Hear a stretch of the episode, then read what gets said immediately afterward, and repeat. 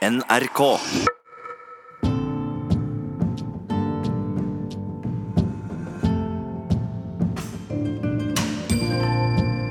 Dette er NRK P2. Tenk om ikke fremmedarbeiderne hadde kommet. Hvordan hadde det gått med industrien? Hadde vi spist kebab? Og hva hadde vi kranglet om i debattprogrammene? Bli med programlederne Trine Bråten og Kristina Eklund på piknik i parken. Der ser de på hvordan historien har formet oss, og de får med seg gjester til å fabulere om hvordan Norge kunne ha sett ut hvis det ikke hadde blitt som det ble. Hallo, Kristina. Her ligger du og nesten sover på teppet ditt, eller? Å, det var så deilig. Så jeg skal våkne. Hei. Ja, Du må våkne, for jeg har kjøpt med mat. Jeg har kjøpt børek med feta ost og spinat. Å, kjempegodt. Og det liker jeg så godt. Du, Tenk om ikke de hadde hatt butikker som man kunne få tak i det. Ja, Det er jo ikke så veldig lenge siden det ikke gikk an. Det er jo ikke så veldig lenge siden det var helt uvanlig og veldig rart å møte på noen som hadde svart hår og var fra et helt annet land. Nei, det er sant det, Mens nå er det jo helt vanlig å møte folk da som har foreldre eller besteforeldre som kommer f.eks. for eksempel fra Pakistan eller Tyrkia. De jobber vi jo sammen med, de møter vi når vi henter barn i barnehagen, og på butikken møter vi dem. Men hvis vi ikke hadde hatt fremmedarbeidere da, som eh, kom til Norge på 60- og 70-tallet, tror du vi hadde hatt mer eller mindre fordommer mot andre kulturer? Hadde økonomien her i Norge vært helt annerledes, tror du? Og kanskje vi hadde sluppet unna veldig mange diskusjoner? Kanskje alt hadde vært veldig mye lettere? Du, Skal jeg ringe til noen som kan være med å tenke på dette her sammen med oss, og så samtidig sjekke NRK-arkivet fra den tida da fremmedarbeiderne kom? Gjør det. Jeg ringer pappa jeg, for å høre hvordan han husker det. Hallo. Hei, det er meg. Hei sann. Hei, jeg sitter her sammen med Trine og så snakker vi om det med, med innvandrere. For dette, vi er jo vant til å jobbe sammen med å møte folk som har bakgrunn fra andre land hele tida. Men hvordan var det egentlig for deg da du var ung? Altså, Når så du første gang noe som var mørke? Oi, ja, det Jeg kan huske en gang på jernbanestasjonen at jeg så en svart mann. Det må jo ha vært sånn rundt uh, begynnelsen på 1950-tallet. Og det var jo veldig eksotisk. Alle snudde seg og landet på ham. Ja, Var de skeptiske da, eller var det bare Ja, kanskje. Kanskje var vi det. Det er jo alltid litt eksotisk og litt skeptisk. ja. Men kjente du noen fra, som kom fra noen andre land? Ja, det gjorde jeg jo, for morfaren min var engelsk, så han kjente jeg jo. Men, eh, og det bodde jo en eh, gammel gubbe i nabolaget som var svensk, egentlig. Det kom jo masse svensker til Norge rundt sånn ja, litt før og litt etter 1900, og mange ble jo ble boende. Men eh, rundt begynnelsen på 70-tallet så kom jo den store innvandringen, da. Alle de fremmedarbeiderne som etter hvert dukka opp. Ja, Snakka dere mye om det? Ja, klart vi gjorde det. Det var mye debatt om det. Mange trodde de skulle ta alle arbeidsplassene fra oss, og det er jo alltid Ukjente ting er jo alltid mystisk og litt farlig, tror mange. Når var det dere som slutta å synes at det var skummelt? Ja, har vi slutta da? Ja, men du, da? Nei, men etter hvert så ble vi jo vant til det. Nå er det jo er det utlendinger og alle slags mennesker rundt overalt, så det er jo blitt som en del av dagliglivet for de fleste av oss. Ja. Nei, Det har endra seg mye det der på, på kort tid. Vi får snakke litt mer sammen, jeg og Trine. Takk skal du ha. Vi snakkes snart, da. Ja, fint. Ha det Ha det. Tenk om.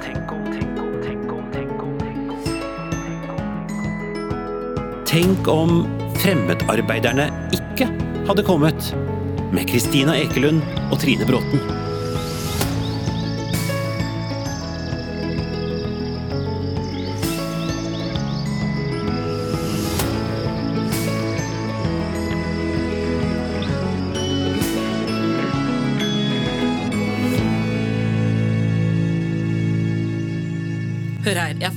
Klippet fra 1972.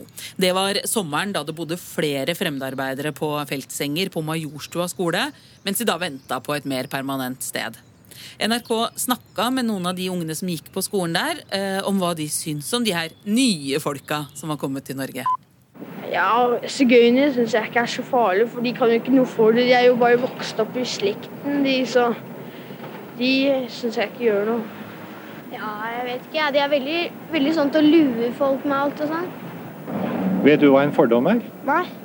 Nei. Nei, det vet jeg ikke. I sommer har det bodd pakistanere på skolen deres. Hva syns du om pakistanerne? Det er bra folk. De er hyggelige. Er, jeg har ingen sett noen som er sånn lumpne eller dumme ennå. Eller Ja, jeg syns de ikke gjør noe. De er det. Nei, jeg syns ikke de gjør noe. Jeg syns de trenger den plassen de kan få, jeg. Syns du om negere, da?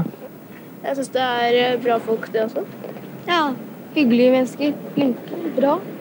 Det er ikke noen forskjell på dem, syns jeg, på andre folk. Det er bare det at de er brune. Vet du hva diskriminering er? Er ikke det sånn med forskjellige folk og sånn, sånn rasediskriminering og sånn? Der, er sånn de sorte og de hvite, liksom. De hvite vil ikke ha de sorte, og de sorte liksom vil ikke ha de hvite. Sånn. Jeg Vet ikke, jeg. Ikke jeg heller. Jeg vet ikke noe. Hva syns du om pakistanerne?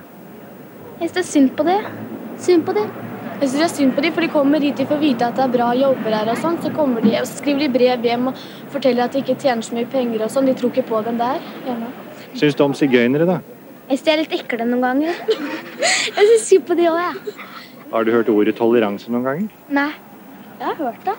Jeg har også hørt det, men jeg vet ikke hva det betyr. Ja, Det var skolebarn fra Majorstua skole i 1972, det.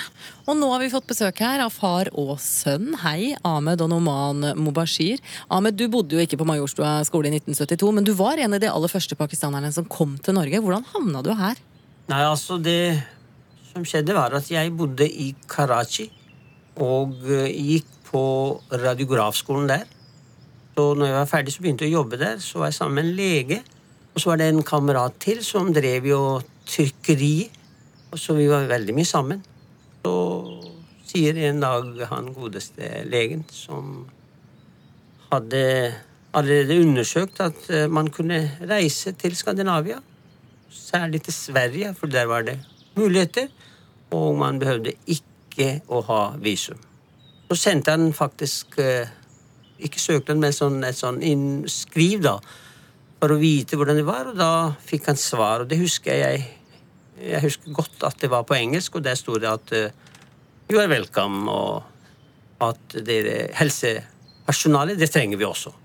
Så bestemte vi oss for å reise, og kjøpte enveisbillett. Flybillett. Og det var ikke vanlig at noen fra Pakistan reiste med fly til Europa for å søke etter opphold eller arbeid. Man kan si det begge deler. Opphold og arbeid. Hvor tilfeldig var det at du havna i Oslo? Ja, det var faktisk veldig tilfeldig. Eh, Jeg kom jo til Stockholm, og så var det en sykepleier som jeg traff tilfeldigvis i Stockholm, som jobbet på sentralsykehus i Akershus i Lørenskog, og fortalte meg om at der er det et flott sykehus. Det er jo sikkert behov for helsepersonell. Du kan søke deg, for jeg hadde ikke begynt å jobbe på sykehus. Jeg hadde gått på kurs i Stockholm, svensk språkkurs. Og så eh, kom jeg i, i kontakt med henne, som jeg sa, og søkte. Sendte en søknad, og da fikk jeg svar. Sa du kan bare komme til intervju. Så tok jeg toget fra Stockholm og kom hit til Østbanen stasjon. Og siden har du blitt i Lørenskog. Har du tenkt ofte på, eller har du tenkt liksom, hvor, hvor hadde du vært hvis, hvem hadde du vært hvis du hadde blitt i Pakistan? Ja. Jeg tror at jeg hadde helt sikkert jobbet i helsevesen. Og kanskje hadde blitt i Karachi. For jeg ble veldig glad i Karachi. For jeg er ikke jeg fra Karachi. Det er langt fra Punjab, fra hjemmestedet mitt Lahore. Så da hadde jeg, tror jeg, sikkert jobbet på sykehus på røntgen. Så livet ditt hadde vært det samme? Ja, jeg tror det, for de hadde ikke noen andre ambisjoner, tror jeg. Den gangen i hvert fall. Men kunne like godt vært sånn at hvis ikke du hadde truffet de du traff, som dro Ja. deg med til Sverige, så hadde du blitt der? Ja, det tror jeg helt sikkert. Fordi Karachi var et flott by den gangen. Yrende liv, dag og natt. Og tenk om du ikke hadde møtt denne norske sykepleieren i Ja. Sverige, så hadde du kanskje blitt i Sverige. Ja, det er helt sikkert. Vi kontaktet jo Karolinska sykehus, husker jeg. Jeg var der en gang. Og snakket med dem, og da sa de dere må bare ta språkkurs, altså. Og det gikk jeg liksom iherdig. Og jeg fikk jo betyg. Jeg har det hjemme, altså. Faktisk i arkivet. Nå som du sitter her og hører på pappaen din, Noman, hvordan ser du for deg at livet ditt hadde vært hvis ikke han hadde reist fra Pakistan og havna her i Norge? Ja, hva hadde livet mitt vært da? La oss si Hvis pappa da hadde bosatt seg i Karachi, så hadde jeg jo bodd i en storby eh, med flere millioner innbyggere. Nå er det jo jeg vet ikke, opptil 20 millioner. Og så har jeg alltid tenkt på sånn, Hadde jeg vært interessert og nysgjerrig på å reise ut, eh, som veldig mange andre pakistanere er, da, og spesielt pakistanske menn, Eh, Hadde jeg vært en av de som prøvde å liksom eh, ja, eh, smugle meg gjennom eh, liksom Midtøsten og Iran og Afghanistan og oppover liksom Balkan og for å komme meg til Europa. Hadde jeg vært en av de Tenk om jeg hadde fått meg jobb i TV i Pakistan og hatt et fantastisk liv. Hadde jeg vært fattig, hadde jeg vært rik, hadde jeg vært middelklasse, hadde jeg vært eh, Tenk om jeg hadde vært en av de som hadde blitt sånn radikalisert. Det er jo mange radikaliserte unge menn i Pakistan. Sånne ting tenker jeg på. Jeg er jo kjempetakknemlig for at pappa havnet i Norge. Det er jo, jeg har jo reist mye rundt i verden, og Norge er vil jeg si, verdens beste land å reise tilbake til. Selvfølgelig savner man jo sola og lyset og alt det der. Men eh, når det er sommer og sol, så glemmer man alle de der mørke periodene vi har. Men så høres det litt gøy ut òg, at jeg kunne havnet i Sverige. Sverige er jo dobbelt så stor som Norge, og vi syns jo alltid at Sverige er kulere enn Norge. Og spesielt Stockholm. Og kanskje jeg hadde jobba i SVT. Eh, Det vet man ikke. Du, jeg ser de som sitter på naboteppet der, de sitter og følger med. Ja, de gjør det. Hei, hvem er dere? Henriette Mart heter jeg. Martin Holvik. Sadia Hussein heter jeg. Men hvis dere tenker da at innvandrerne ikke hadde kommet, hva er det første dere tenker på da? Altså, La oss starte bare med det helt åpenbare aller først, som er sånn veldig for meg indisk mat. Jeg elsker indisk mat. Og jeg er ikke så fan av det der pinnekjøttet og fårikål, det der trauste greiene vi pleier å ha til vanlig. Så jeg tror at min verden hadde vært eh, ganske mye fattigere. Jeg skjønner hva du sier, for hver gang jeg gikk hjem fra byen på, på lørdagskvelden, så gikk jeg alltid innom Pujab Tadori. Og hadde liksom bestilte det samme hver gang. Palak paner husker jeg. Dette er liksom sånn gamle fyllaminner. Og så tok jeg med den lille posen hjem og satte meg på gulvet og så spiste jeg den. Og det hadde ikke skjedd hvis ikke innvandrerne hadde kommet. Og det er en av mine livretter nå. Så jeg hadde ikke fått oppleve det. Bare fortsett å tenke på andre ting som hadde vært annerledes, for eh, nå kommer historiker Malene Ferrer. Hei, du jobber jo på Høgskolen i Oslo og Akershus. Og hvordan ser du for deg Norge uten fremmedarbeiderne? Ja, jeg eh, tenker da eh, på eh, Altså, jeg er født i 73 og var jo barn på 70-80-tallet.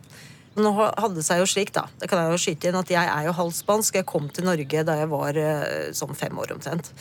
Og jeg husker jo på en måte at det mest eksotiske innslaget i nærområdet, det var jo meg.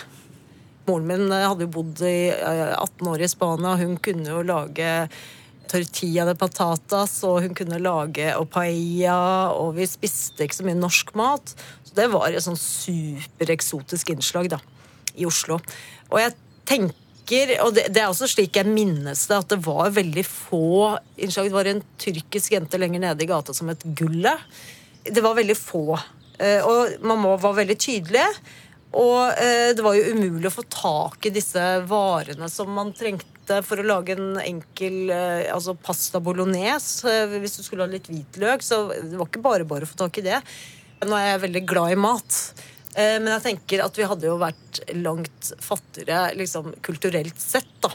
Og det som kjennetegner Oslo, er jo dette mangfoldet. Det er det som gjør det til en strålende by å bo i for mange, tror jeg. At du kan dra ned til Torgata og spise vietnamesisk, marokkansk osv. osv.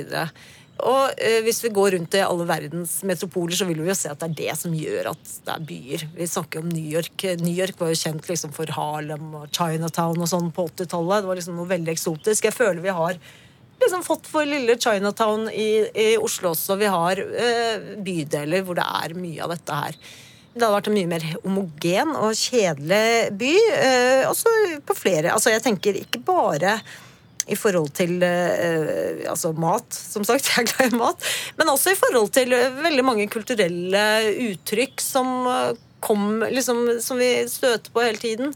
80-tallet var jo fremdeles ganske konformt på veldig mange måter. Butikkene stengte fem, det var ikke noe liv i gatene. det var vi har en tendens til å glemme det. Det var et mye mer sånn kjedelig samfunn. Jeg tenker at En del av eh, det som var kjedelig, var jo på en måte at eh, vi hadde ikke like mange innvandrere. At vi kanskje har blitt mer åpne og tolerante av det. Ikke bare av å reise ut, men også å få eh, folk inn. At det har kanskje skapt en interesse for at vi har begynt å reise mer eh, også. Eh, jeg var f.eks. i Vietnam på begynnelsen av 90-tallet, og det var jo fordi jeg kjente noen vietnamesere. Eh, Og det tror jeg kanskje er mange, mange små fortellinger rundt omkring i Norge som handler om det. At du har blitt kjent med noen, kanskje noen har begynt i klassen din. Og så har du på en måte blitt mer interessert i andre kulturer. Eh, og at det har trigga kanskje en interesse for å reise ut og se verden og, andre kulturer. Og enn videre så handler det jo om på en måte en sånn grunnleggende mentalitet. da, At vi nok i stor grad har eh, på en måte fått mer respekt for det som er annerledes eh, fra oss selv. Og vi er mer åpne. Eh, slik at når vi reiser til Tyrkia og går inn på en moské, så skjønner vi at vi skal dekke oss til osv. Eh, veldig mange av oss har på en måte fått en ganske god flerkulturell kompetanse. Og veldig mange av barna eh, i skolen i dag har jo en veldig god kompetanse på dette, og de er vanvittig mye flinkere enn f.eks. besteforeldregenerasjonen. Eh, og det handler om åpenhet.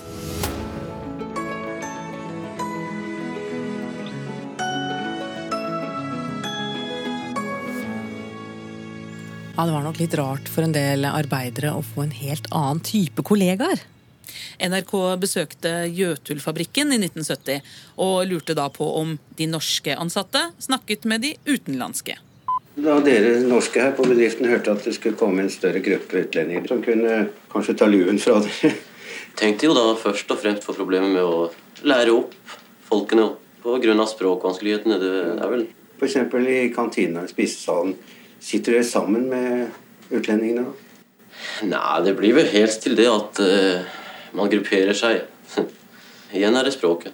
For å hjelpe de karene som ikke kan norsk, vil ikke da være en idé å dele litt på plasseringen ved bordene? Det er jo en måte å lære språket på det. Jo, det tror jeg nok, men eh, Vil det bli pinlig, kanskje? kan si det. Ja. For eh, det ville vel bli å sitte og se på hverandre, da. Carl Antonsen var det, og han ble intervjuet av Halvard Selius i 1970. Malene Ferrer, hvordan hadde Norge vært annerledes hvis ikke disse arbeiderne hadde kommet? Veldig mange eh, mener jo, eh, eller knytter på en måte velstanden også til, eh, til at vi har fått arbeidskraft eh, utenfra. Eh, og det dreier seg ikke om at mange av oss har fått eh, pusset opp eh, baden av polakker.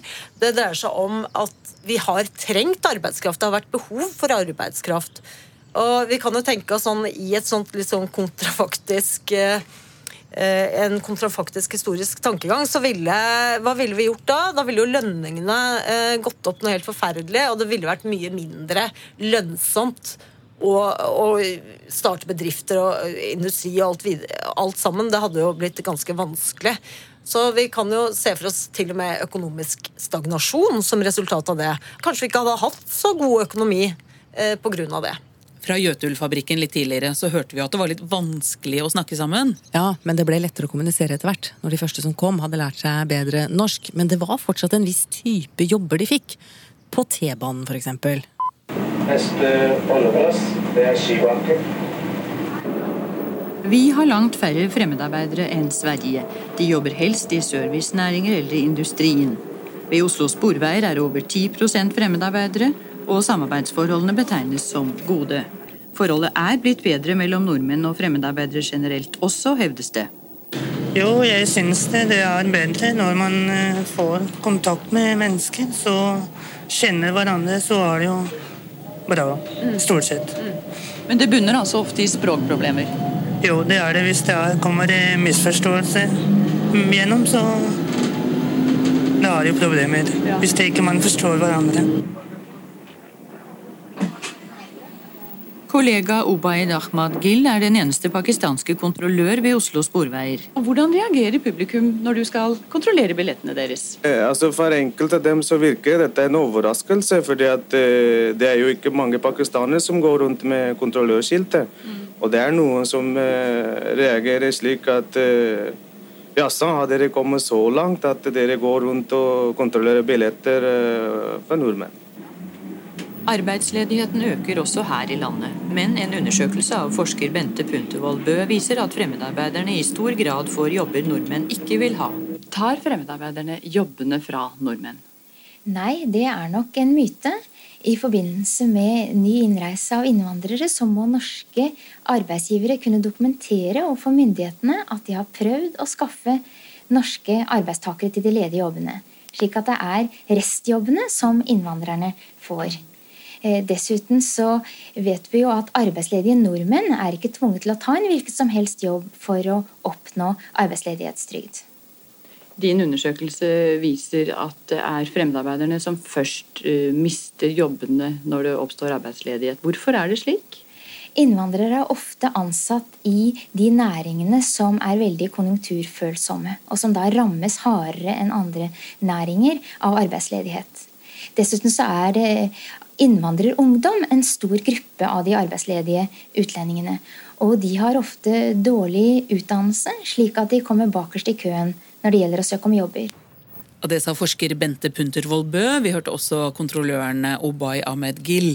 Reporter var Guro Rustad, og alt sammen skjedde i 1982. Mange nordmenn hadde fordommer mot de som kom med nytt språk og nye religioner og ny mat og nye lukter, men hva syns de som kom om oss? Det er jo ikke sikkert at de syns vi var ja, så fantastiske som det vi kanskje selv syns. I 1975 inviterte reporter Viktor Andersson seg hjem til familien Rashid og noen av deres venner. Vi har invitert oss selv til et selskap sammen med pakistanere. Tre familier og to enslige menn.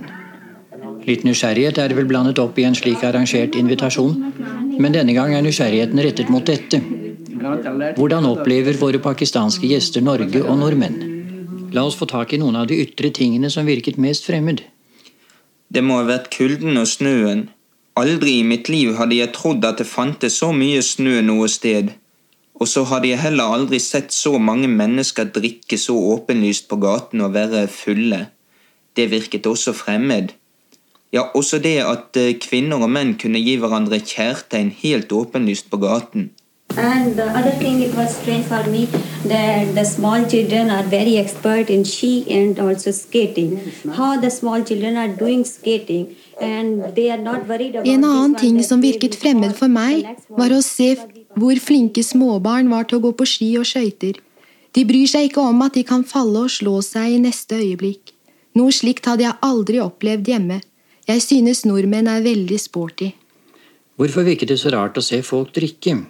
Because in Pakistan, uh, mostly people, most of the people they don't drink, and you, you will not find any person in the streets who is drunk and coming outside the houses. You see, if few people drink, they are just be inside and they are not allowed by the society. Fordi muslimer ikke drikker i Pakistan, og du vil ikke se folk som viser seg fulle på gaten. For å gå over til noe annet. Når vi tenker på folks daglige liv, ville dere kvinner like å ha barn som vokser opp i dette landet? I think the way of the life of the Norwegian, people and the way of the life of the Pakistani people, if we compare Jeg tror at det er stor avstand mellom den måten pakistanere lever på, og den livsform som nordmenn har. Norske barn er lykkeligere, de er sporty, de er sunne og friske, og de oppfører seg dannet. Jeg ser ofte på dem mens de leker, og har lagt merke til at de ikke tretter og krangler. De vil vokse opp til gode borgere. Dette betyr ikke at jeg vil at barna mine skal bli norske og vokse opp her, men jeg vil prøve å lære dem alt dette. Jeg liker også den måten som barna er på her, men jeg liker ikke ungdommen. Det må være noe galt med religion her i den unge generasjonen, og derfor vil jeg ikke barna mine skal vokse opp her. Hjemme tar vi oss mer av barna, mens her er på en måte foreldrene så engstelige for mange ting. Skilsmisse, at de skal kunne skaffe seg televisjon og slikt og heve levestandarden, så de har ikke tid med barna. Hjemme i Pakistan er vi mer opptatt av hvordan barna skal vokse opp og bli gode borgere. Det virker som om foreldrene er redde for å snakke sine barn til rette her, og det ser ut til at staten tar ansvaret for barna helt til de blir store, så foreldrene kan ikke forby dem å være med på alle de gale tingene som jo er forbudt i den norske religionen også. Foreldrene skulle vise mer ansvar, men de er hjelpeløse og tør ikke si noe, kanskje fordi staten tar så mye av ansvaret på seg. Vi hørte altså Shoab og Kushid Rashid sammen med Mohammed Latif og Talib Hussein Lohan. Og De ble alle sammen intervjuet av Viktor Andersson i 1975.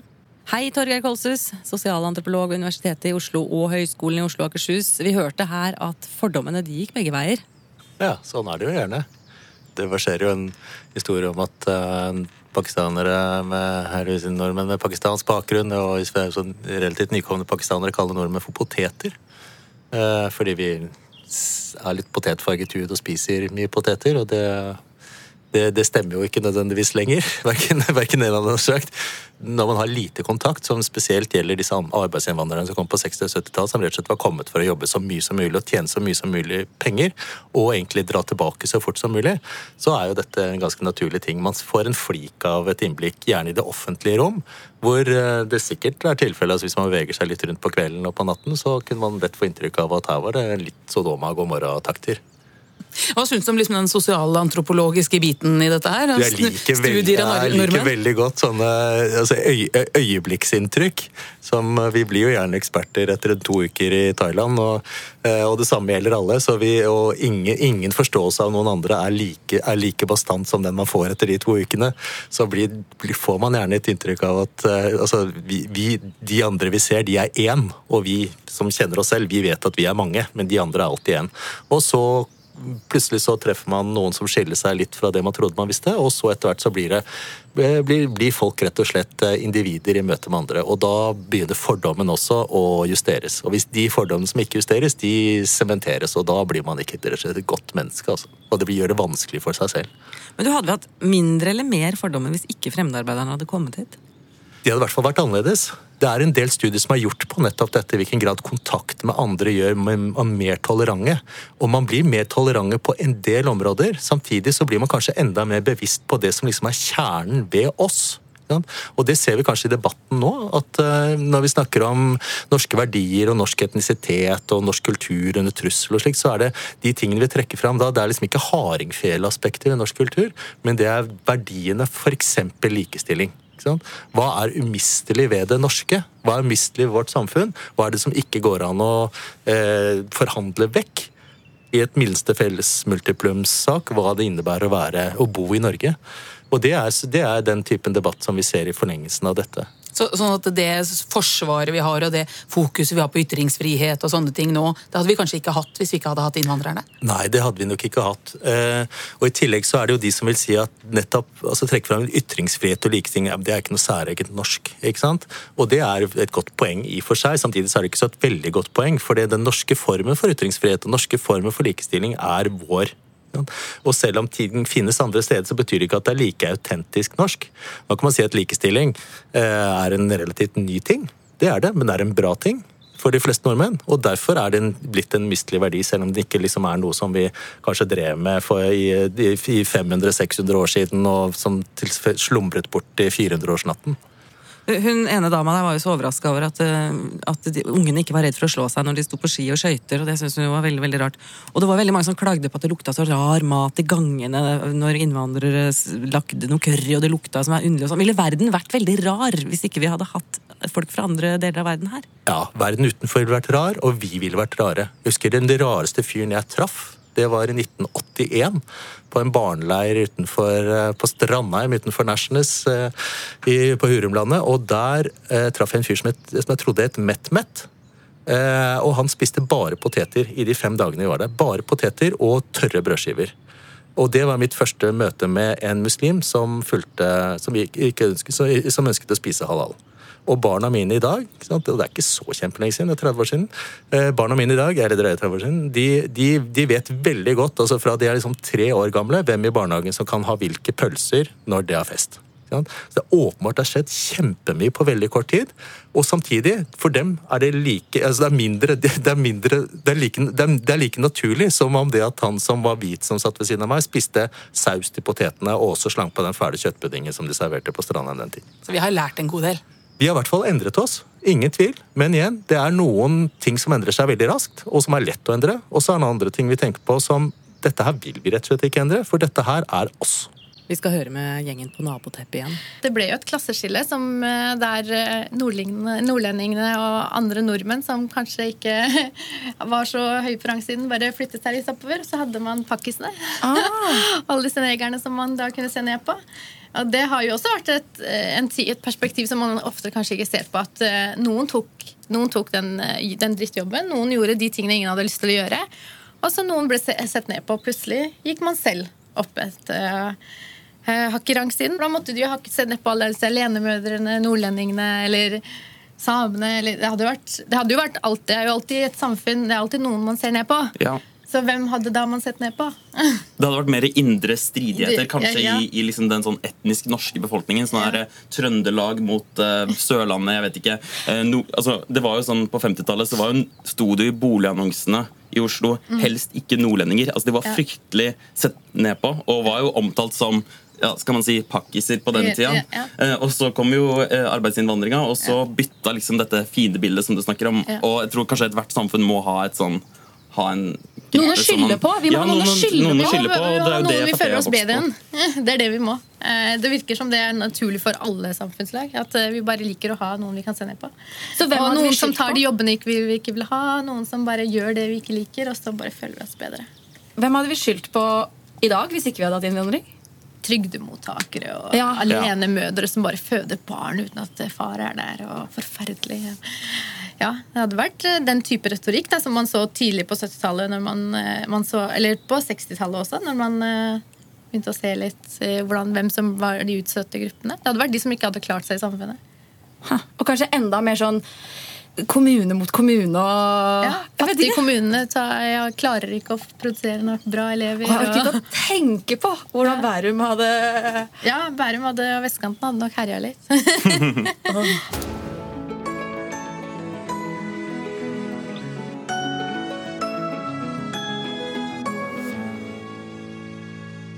Noen av dem som ble skikkelig redde for disse nye menneskene som kom, starta opp foreninger og organisasjoner. Ja, vi hadde bl.a. Organisasjonen mot skadelig innvandring. Leder der var Vivi Krog fra Bærum, og hun var gjest i Ukeslutt i 1978. Ja, Vivi Krog, er du rasehater? Nei, på ingen måte. Jeg eh, har veldig lett for å falle helt i staver over, over alle disse søte, små, brune barna.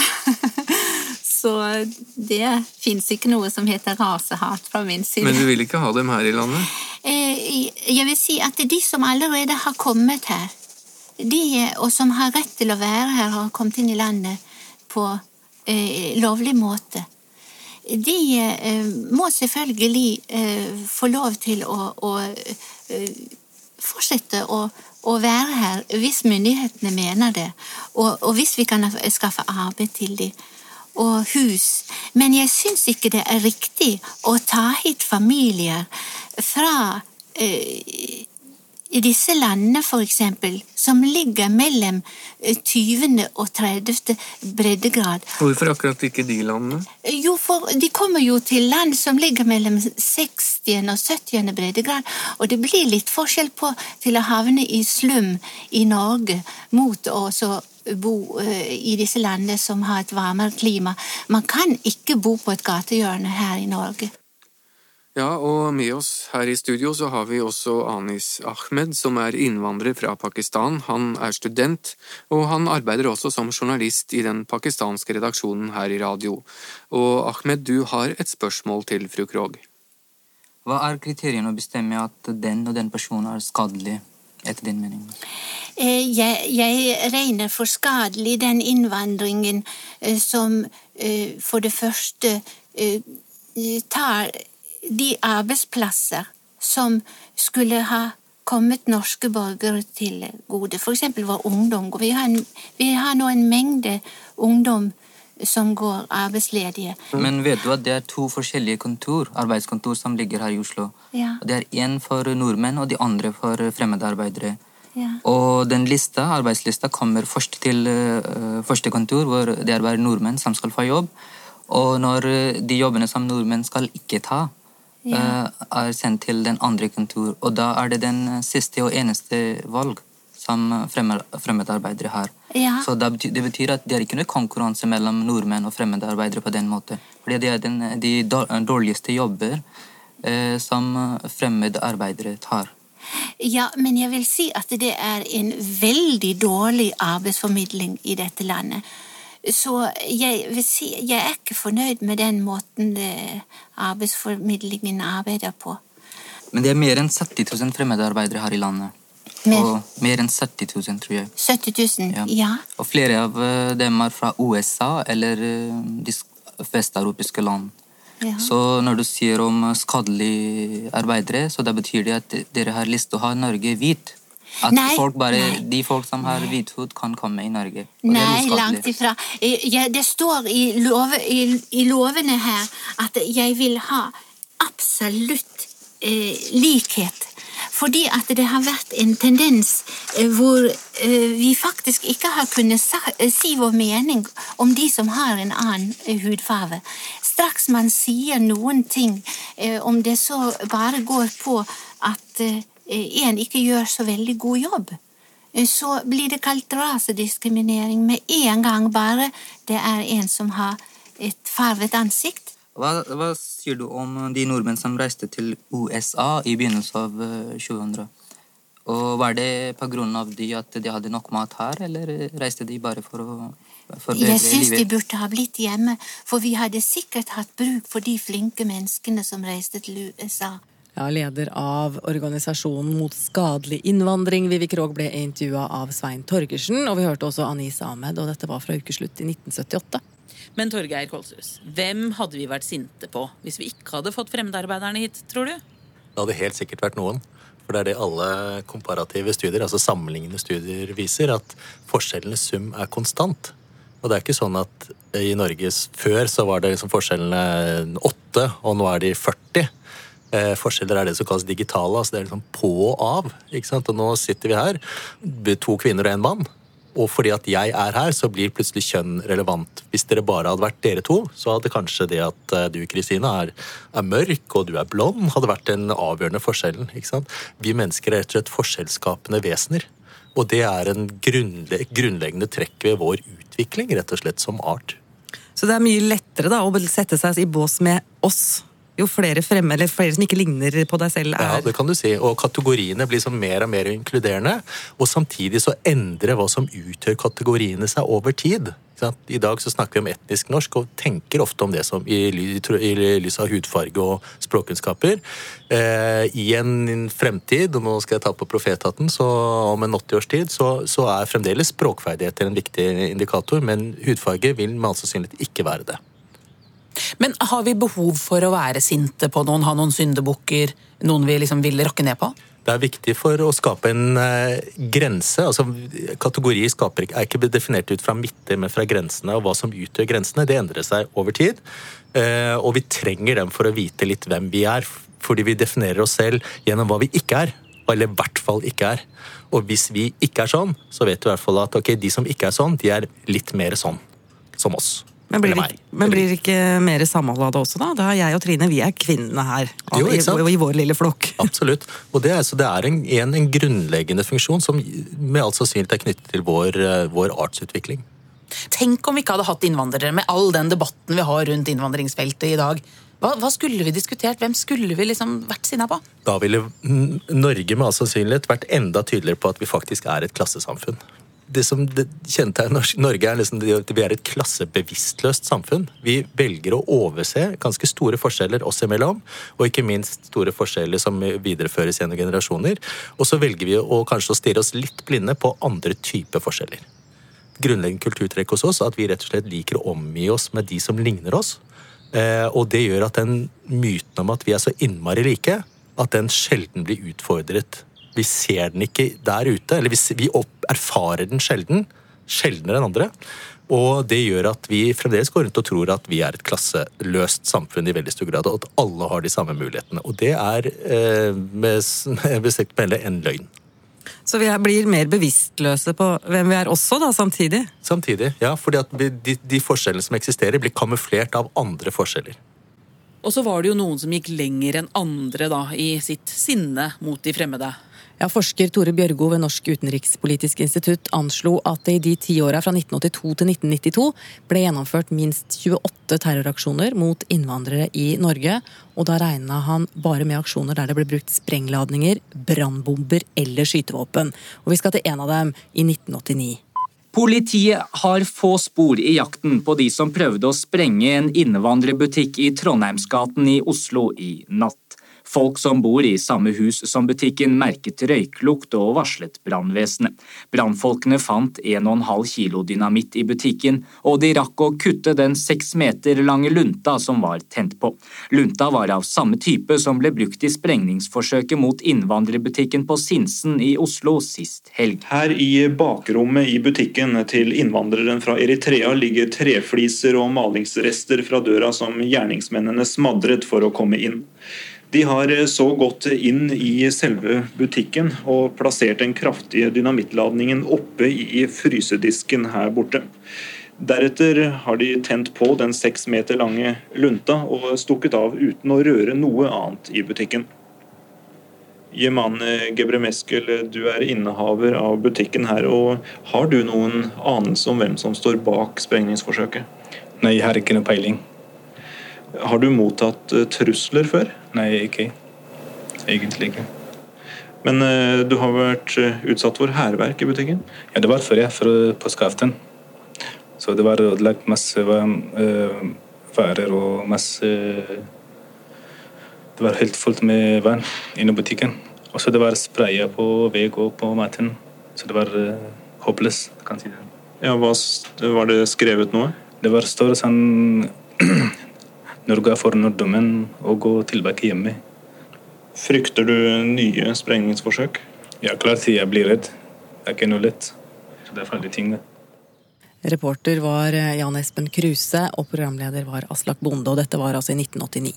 Og så er det barna til fremmedarbeiderne, sånn som Noman som sitter her. Og spørsmålet var jo ville ting bli lettere etter hvert som flere av barna vokste opp i Norge og dermed ble mer norske? Vi kan høre fra en reportasje som NRK lagde fra en muslimsk feiring i Kristiansand for 36 år siden. Pakistanerne og inderne var blant de første innvandrere som kom hit til landet. I begynnelsen av 70-årene begynte de å slå seg ned, både på Østlandet først og så på Sørlandet. Mange av barna snakker nå perfekt norsk. Mange av dem er født her i landet. Men som barn av f.eks. pakistanske foreldre, født eller oppvokst i Norge, er det en fare for at de verken kjenner seg som nordmenn eller pakistanere. Pakistanerne selv er klar over dette problemet og satser sterkt på opplæring av sine barn i pakistansk språk, kultur og religion. Det legges stor vekt på feiringen av religiøse høytider, og barna deltar aktivt. Nylig ble Muhammeds dag feiret i Kristiansand. I det overfylte lokalet hvor feiringen foregår, treffer vi Amir Salim, som har vært i Norge i fem år, og som går på Kongens gate skole. Har det vært vanskelig for deg å være deg selv, være pakistaner blant norske kamerater, Amir? Hvis jeg ikke gjorde det de gjorde, drakk øl og alt mulig, liksom. hvis jeg ikke gjorde det, så kom jeg ikke i gjengen, liksom. Så hvis jeg prøvde å gjøre det, altså banne og sånn, så kom det gjengen, da klappa meg og alt mulig. At du er medlem av oss, den gjengen. Så jeg prøvde å være det, da kommer gjengen. Men i begynnelsen så prøvde jeg å være sånn.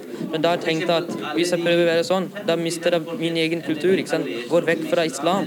Så jeg gadd ikke være sånn. Abu Lisan Malik har to mastergrader fra et pakistansk universitet og underviser pakistanske barn i morsmålet urdu og i pakistansk kultur og religion i Kristiansand. Han eh, svarer først unnvikende når samtalen kommer inn på emnet diskriminering. Han slår også over på engelsk fordi dette emnet er komplisert. There, there is little bit discrimination, uh, but in uh, the uh, big cities that is more, but in small cities and, and det forekommer diskriminering, selv om det ikke er så mye. Det forekommer oftere i større byer enn i mindre.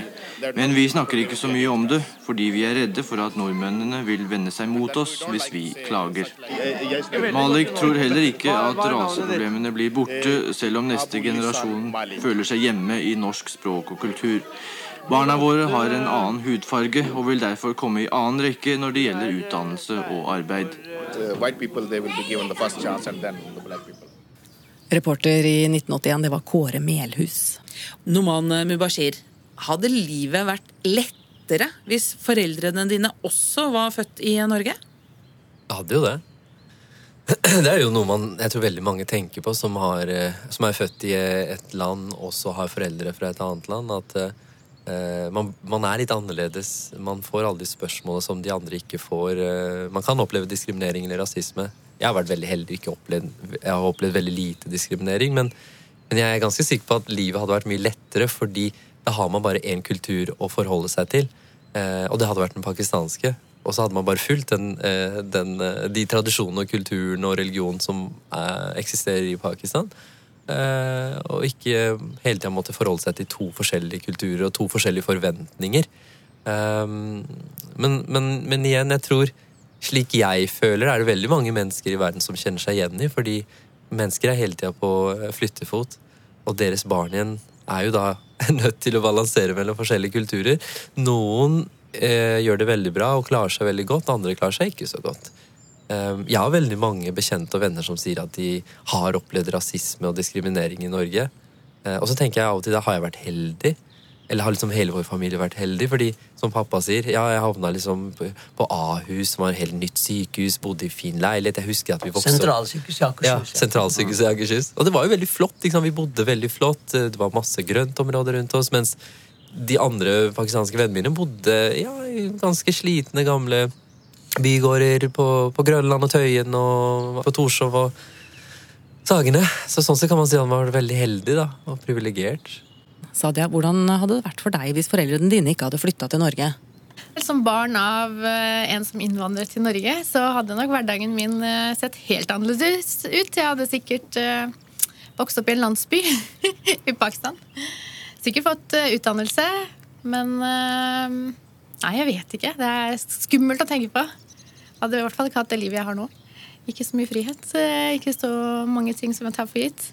Ingen mammapermisjon og ingen gå ut sent på kvelden og mange sånne ting som jeg bare var født og oppvokst med. Tenker du ofte på det? Den tanken har jo falt meg sånn at jeg har tenkt å, så heldig jeg er. Som har fått muligheten til å vokse opp her og tar så mange ting for gitt når jeg har vært i, på ferie i Pakistan. Og må dekke meg til enkle steder og tilpasse meg og på en måte ikke snakke høyt. Eller passe på mange ting. da.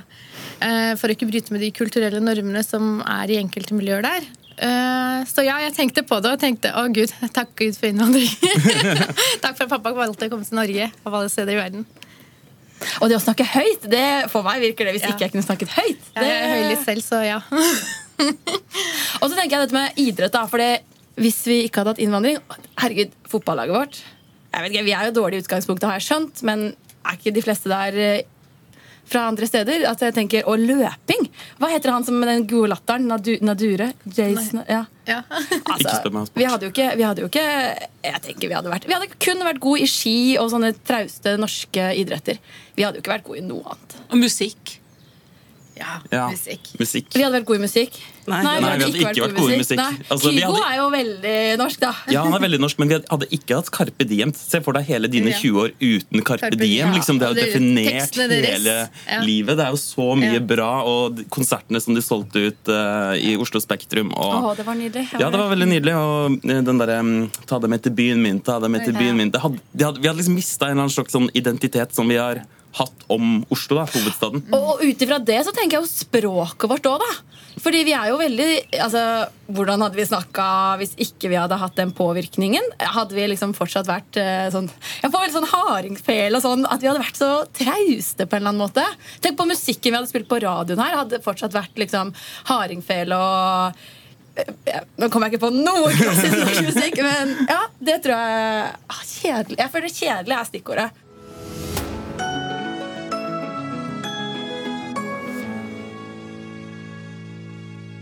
Og her kommer du, Elin Ørjasæter. Hei, du er jo forfatter og foredragsholder. Tenk deg nå, om fremmedarbeiderne ikke hadde kommet, hvordan ser du for deg at Norge hadde vært i dag da? Og det hadde vært ganske annerledes. Særlig fordi at de ble jo så utrolig mange på en måte som ingen drømte om da de kom på slutten av 60-tallet. Eh, Jeg husker jo dette. Jeg er født i 62, men eh, jeg husker jeg ble veldig tidlig interessert i disse Åh, De hadde jo et helt spesielt utseende, særlig pakistanske sånne beige gabardinbukser og litt sånn akrylskjorter og sto i gjenger på Karl Johan. Veldig sånn stille, litt sky, eh, men virket som hyggelige folk. Jeg husker også når jeg flyttet hjemmefra i 1977. Så um, da var jeg veldig ung, 15 år. Og da bodde jeg jo et slags sånn ufrivillig kollektiv med en eh, pakistansk guttegjeng. Jeg hadde kjempegøy med dem. Um, så jeg husker jo forløpet av dette. Vi fikk vår første pakistaner i klassen, jeg gikk i syvende. Hele skolen sto på hodet for at han liksom skulle føle seg inkludert. Og han var så veldig sånn Ja, de var sky. Vennlige, men sky er vel det eh, sånn som de var da de kom. Som jeg opplevde dem. Så det var bra at de kom, og siden har det vært fint? Nei, å nei, å nei, å nei. Nei, du, det, dette har gitt en rekke belastninger på det norske samfunnet som kom fullstendig bak på oss. Ehm, Det er jo veldig fascinerende å se avisoppslag fra den tiden. Fordi myten i etterkant har jo vært at dette var arbeidsinnvandrere som vi trengte i den norske økonomien, og de gikk rett i jobb. Sannheten er at en stor del av dem var, kommet kom hit på turistvisum og var illegale innvandrere. Og det var mye diskusjon om dette i avisene. Noe som het Utlendingskontoret var veldig strenge og snakket om pakistanerproblemet. Men myndighetene var jo veldig mye mer ettergivende enn det de er nå.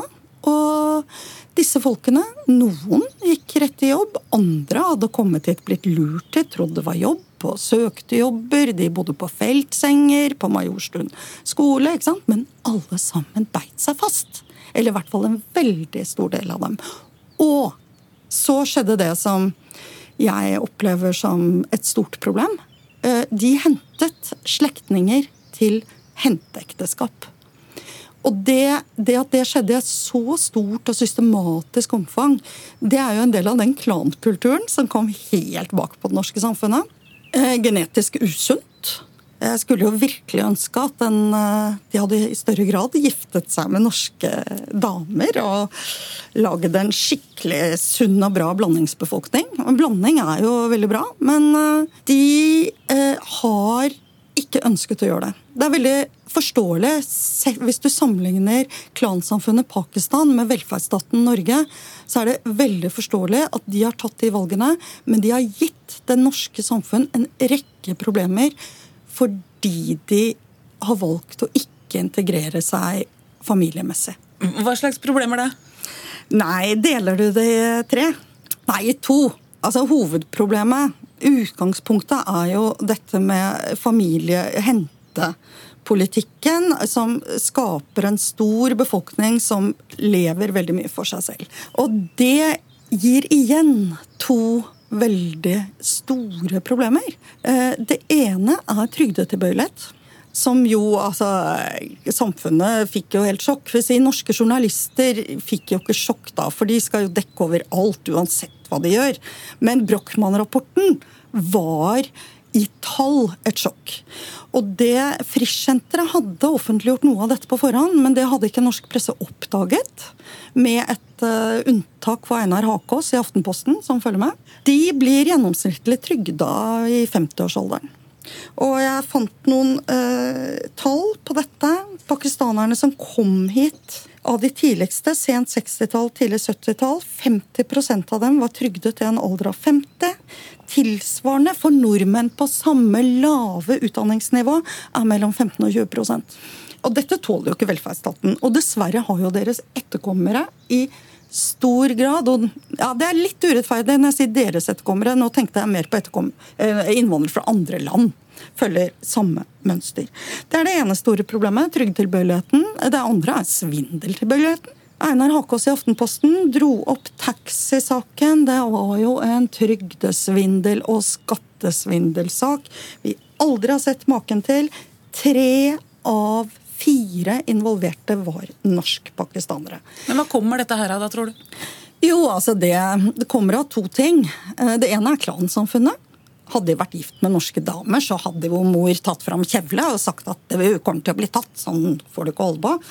Men eh, de giftet seg med sine egne, som ikke kunne norsk, ikke forsto norsk kultur. Eh, Det andre er jo holdningen i denne klankulturen. Og boka til Einar Hakås som heter 'Taxisvindel', nei, unnskyld, 'Svindel uten grenser', heter den siterer ikke mindre enn tre toppbyråkrater, og nå snakker vi rundt 2010, på at denne befolkningen har et helt annet syn på skattesvindel og økonomisk kriminalitet, trygdesvindel, enn det nordmenn har.